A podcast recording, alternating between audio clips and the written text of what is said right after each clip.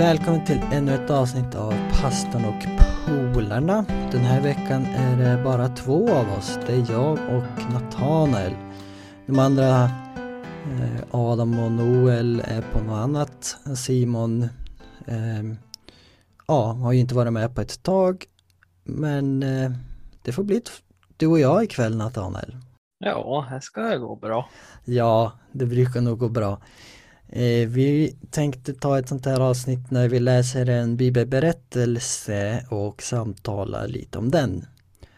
Och eh, men innan det så är ju frågan lite som bibelberättelsen handlar om också. Vad ska jag göra för att få evigt liv? Har du någon bra tanke om den? Ja, spontant liksom så här eh, när man hör det bara, vad ska få evigt liv? Först och främst måste du tro att eh, det finns något mer efter döden. Att eh, eh, där, eh, ja helt enkelt någonting mer.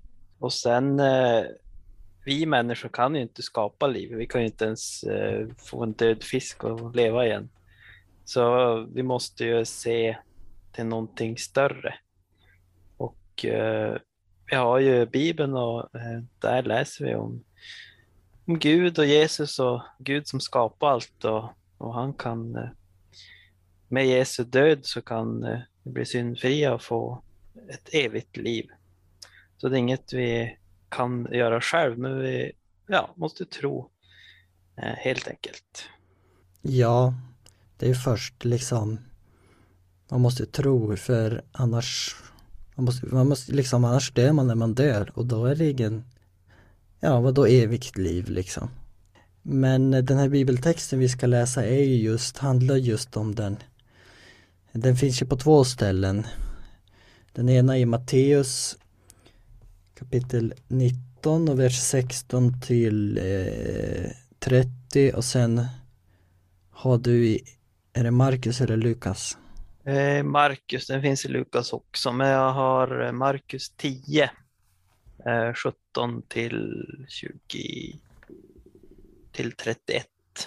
Mm, det är ungefär lika många verser. Ska vi läsa det rakt igenom bara helt enkelt? Vi kan ju turas om. Kan vi väl jämföra lite grann också sen med då läser jag från Matteus och så har du där eh, Markus så kan vi ju kan du ju se om det är något annorlunda eller så. En ung man kom nu och frågade Jesus Mästare, vad ska jag göra för gott för att få evigt liv? Varför frågar du mig om vad som är gott? svarade Jesus. Det finns bara en som är god. Men evigt liv kan du få om du håller buden. Vilka av buden? frågade mannen. Jesus svarade, du ska inte mörda, du ska inte vara otrogen i ditt äktenskap, du ska inte stjäla, du ska inte vittna falskt, visa respekt för din far och mor och du ska älska din medmänniska som dig själv. Jag har hållit alla dessa bud, svarade den unga mannen. Vad mer behöver jag göra? Jesus sa då till honom, om du vill bli fullkomlig så gå och sälj allt du äger och ge pengarna till de fattiga då ska du få en skatt i himlen. Kom sedan och följ mig. Men när den unge mannen hörde detta gick han bedrövad därifrån, för han ägde mycket. Då sa Jesus till sina lärjungar, sannerligen säger jag er, det är svårt för en rik människa att komma in i himmelriket. Ja, jag säger er att det är lättare för en kamel att komma igenom ett nålsöga än för en rik att komma in i Guds rike. Detta påstående gjorde hans lärjungar förskräckta och de sa, vem kan då bli räddad? Jesus såg på dem och sa, för människorna är det omöjligt, men för Gud är allting möjligt. Då sa Petrus till honom, vi har ju lämnat allt för att följa dig, kommer vi att få något för det? Ja, svarade Jesus, sannerligen säger jag er, vid världens pånyttfödelse när Människosonen sätter sig på sin härlighetstron, då ska också ni som har följt mig få sitta på tolv troner och döma Israels tolv stammar. Var och en som har lämnat hus eller syskon eller föräldrar eller barn eller åkrar för min skull ska få hundrafalt igen och få evigt liv som arv. Många som är sist ska bli först och många som är först ska bli sist. Det är berättelsen. Första tankar då? Eh, ja, eh, det jag tänkte på var alltså varför som gode mästare eh, kom den här mannen och sa. Eh, och så varför kallar du mig god? Ja, liksom det är en liten sån här fråga som, som inte kanske är det första liksom. Ja, varför kallar du mig god? Eh, de, han, den här mannen måste ha sett någonting i Jesus eh, utom det vanliga liksom. Han måste ha vetat i, om Jesus och lite vad Jesus hade gjort och vem han var alltså.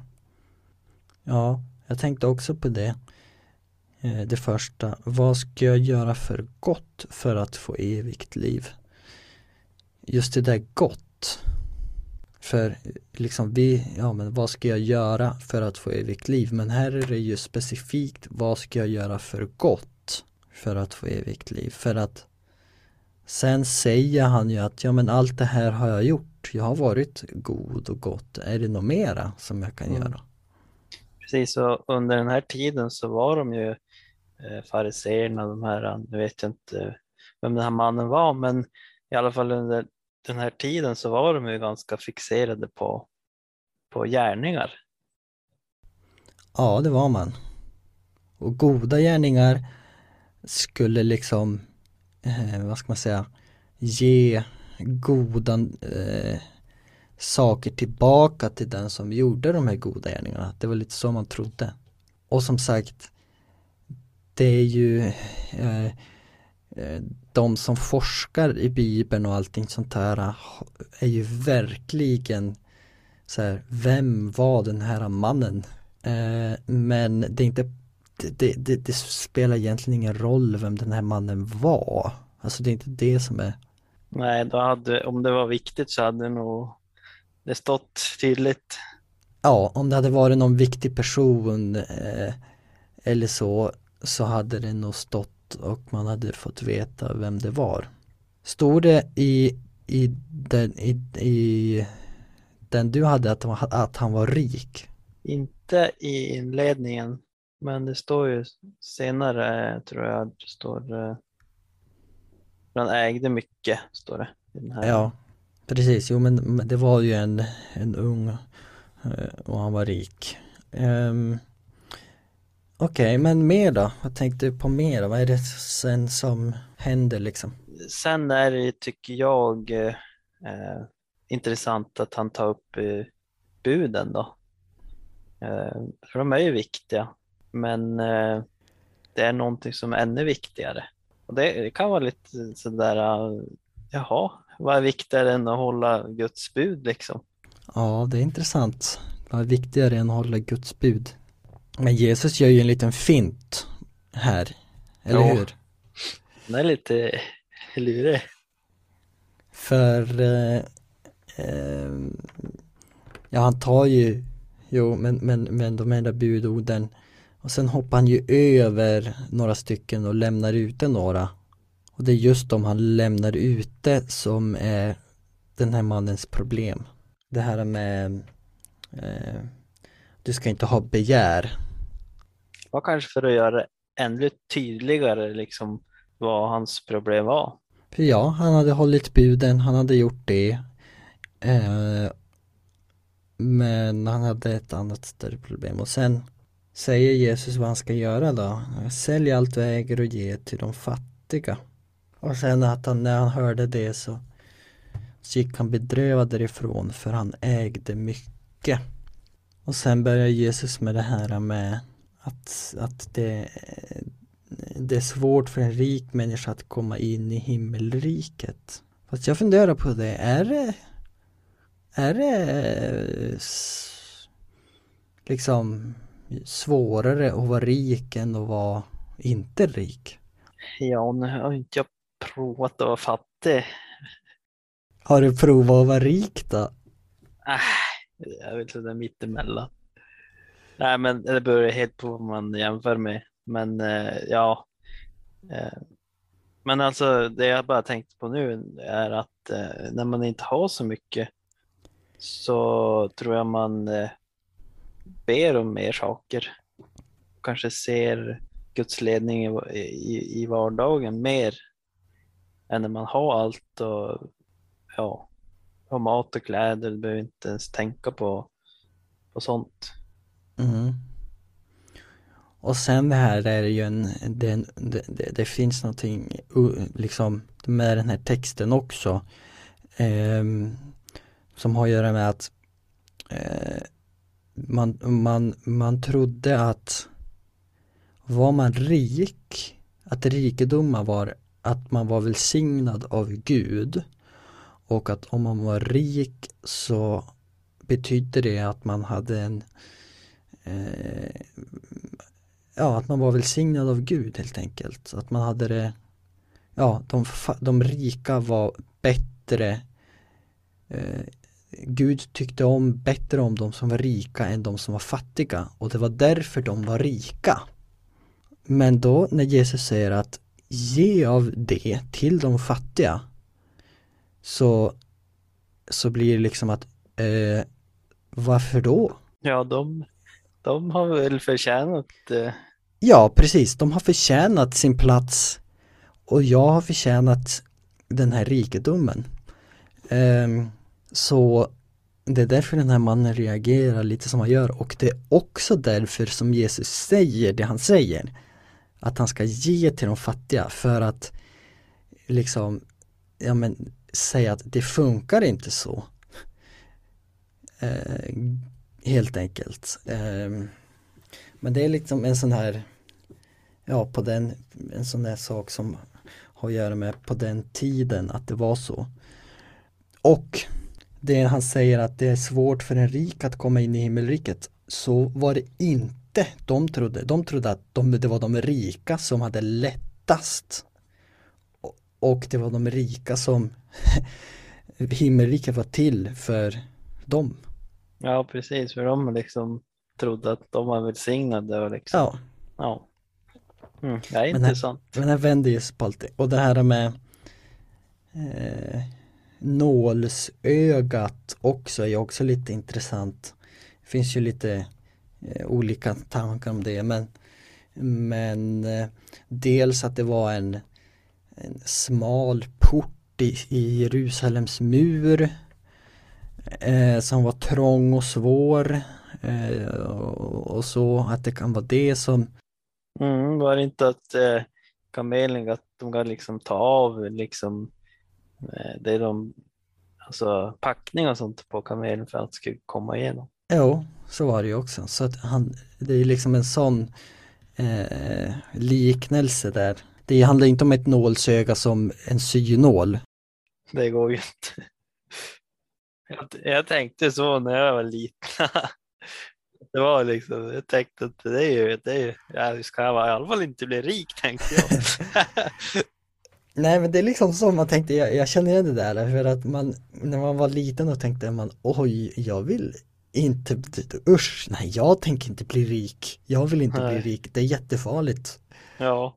Men det är inte rikedomen i sig som är problemet utan nej. det är hur liksom, ja, för jag menar, i dagens samhälle är det ju de som är rik har ju otroliga möjligheter och använda all sin rikedom, det kan vara pengar, det kan vara vad som helst för ett väldigt, väldigt gott syfte. Och så jag tror inte Jesus säger emot att man är rik, alltså per automatik. Och sen mot slutet säger Petrus, ja men vi har ju lämnat äh, allt för att föra det, kommer vi inte att få något, någonting för det? Så liksom, här bara, jaha, Eh, vi har lämnat allting, eh, kommer vi inte att få någonting igen? Kommer vi inte att få tillbaka någonting?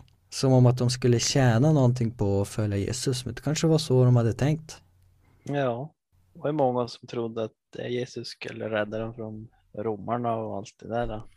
Ja, och att om man var fiskare så kunde man så kunde det nästan bara livet bara bli bättre också.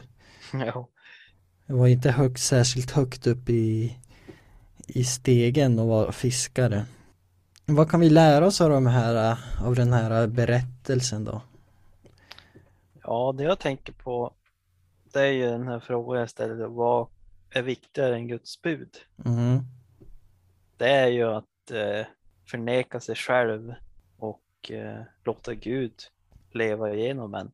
Liksom när vi, när vi, när vi ger upp eh, vårt eget jag och, och strävan efter det vi vill ha och det vi vill göra. Och, och det kan ju vara pengar, det kan vara allt möjligt. Men när vi lägger det i Guds händer och säger att eh, nu får du hjälpa oss att leva så kommer ju Gud att eh, kommer bli naturligt att vi följer hans bud och, och därför det är viktigt att, eller att det är det som gör att vi, vi är ju syndiga och kan ju ingenting själv. Men vad är viktigare än Guds bud? Jag skulle nog säga att eh, det är det som Jesus liksom säger att älska eh, varandra för att om folk ser att ni älskar varandra så förstår de att vi är Jesus lärjungar. För att buden utan kärlek det är ju bara en checklista. Var ska det stå om eh, det här eh, liksom om du lägger offer på bål så, men inte har kärlek så är det ingen, en, bara en tom symbol eller vad det står. Första Korinthierbrevet 13. Ja, det är väldigt tydligt att vi måste ha kärlek och den får vi från Gud. Så det kanske var den här mannen, det liksom Ja visst, han visste buden, han höll dem, han gjorde, han gjorde, han gjorde rätt. Men eh, någonting i hans hjärta eller, eller så var inte på rätt plats. Och så det tror jag att, att eh, man kan lära sig idag också att eh, eh hjärtat måste vara på rätt plats i allt man gör och man kan göra mycket men är hjärtat inte där då ja då, då vet jag inte riktigt vad som händer helt enkelt. Och sen det här med att jag lär mig ju också det att det är egentligen inte fel att vara rik utan har Gud välsignat den så så eh, kan man ja, välsigna andra med det man har. Mm. Med rätt motiv så är det inte fel. Nej, precis. Samtidigt har jag, eh, jag vet att jag har sagt och, och håller och så att jag skulle inte vilja vara rik alltså. Eh, därför att det känns som att det skulle vara jobbigt eller liksom det, skulle, det kommer med så mycket mera. Ja, så är det nog.